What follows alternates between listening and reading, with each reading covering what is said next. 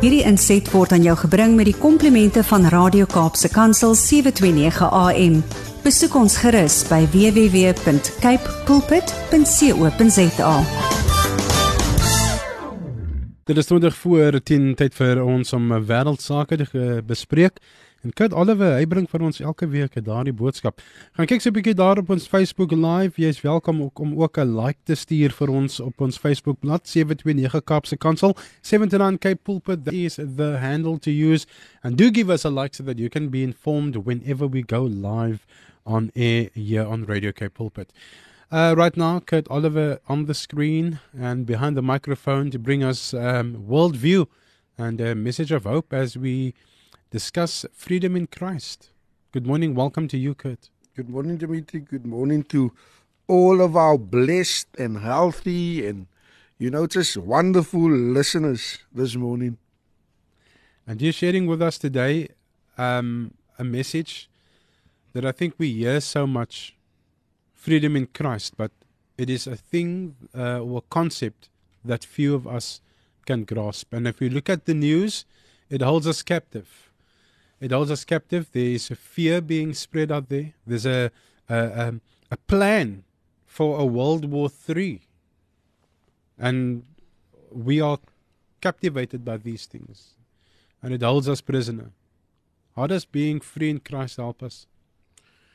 Yeah, you you you know, Dimitri, as as the way we look at it, it's different ways of of looking at it, and you know, uh, before I'm going to speak about it, I just want to know, uh, uh, Pastor Stan is still here, so I just want to release this once and for all. I don't know if, if, if Pastor Stan forgot about this, but the storm has actually won something. that, uh, that is one worldview that we're looking at. one worldview headline we're looking at. the storm has won the cup and brought the cup back to Cape Town. So sorry for all you Natal Sharks fans. Unfortunately, you guys need to try next year again. yeah, but but lots happening around the around the world, Dimitri, and I heard Pastor Stan speaking about abortion, and you know, actually in in in the U.S., the um, right to uh, the right to abortion has been overturned.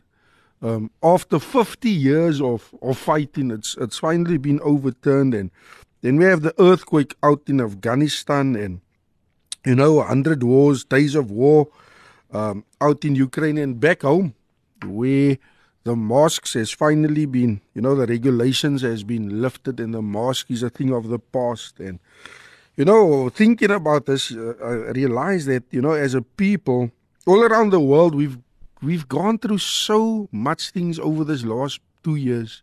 There's people that has lost jobs. There's people that has lost homes. There's people that has, um, you know, even lo- uh, lost uh, loved ones. And, and I want to say this: it doesn't matter what I go through, I will hold on to Jesus. I will hold on till the very end. But how much of us are willing to declare that over our lives? Because when something happens and then you know, it feels like the world is falling in around us, and then we want up on our walk with God. And that is why, where the freedom comes in. It starts with the freedom. In John 8, verse 36, it says that, So if the Son sets you free, you will be free indeed. Now, Jesus makes this statement as a sign of victory. Meaning, when he went to the cross, already our victory is guaranteed right there.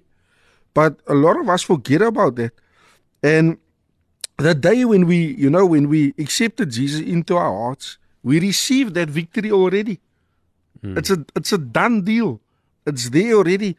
But we, you know, uh, um, but have we ever really thought about this? Where we have come from and how we have been made free? Have you asked, when last did you ask yourself that question, Dimitri? Where has my life brought me from? How did God or Jesus make me free?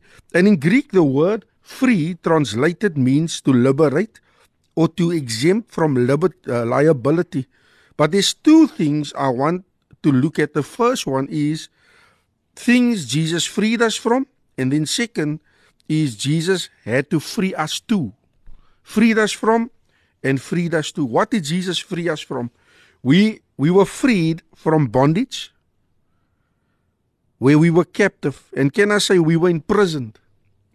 We were in prison. Now, when we look at uh, captive, the definition is who one who is confined, and that's exactly what we were. We were prisoners to sin.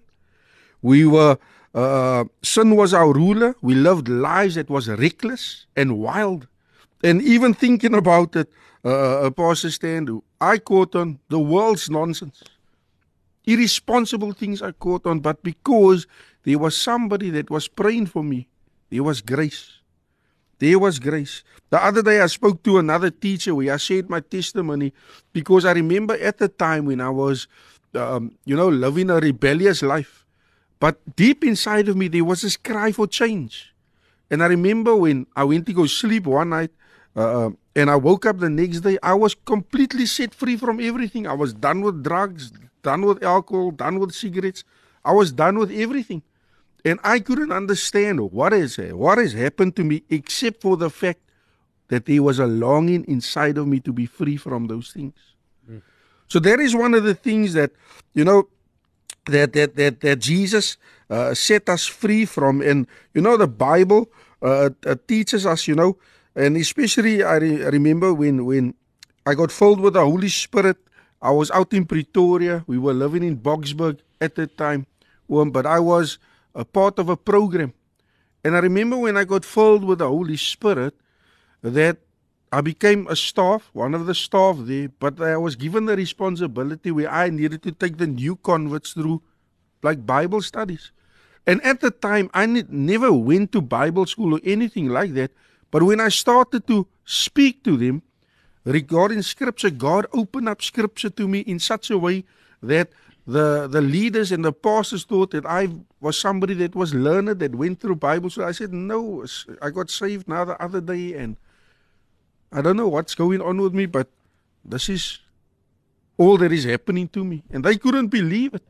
But what I want to say is that when freedom comes, and when the Holy Spirit comes upon you, because you are operating in freedom, God can use you in a great and mighty way. Paul speaks about it.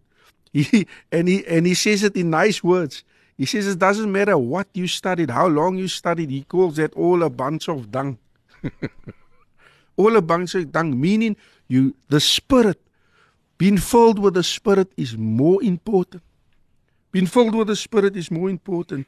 And the Bible says in Romans 6, verse 23, that for the wages of sin is death, but the gift of God is eternal life in Christ Jesus our Lord. When when we lived our lives far from God, we were destined for death.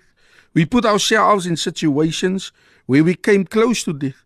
But because of Jesus, because of God's love for us, we were given an opportunity to live a better quality of life.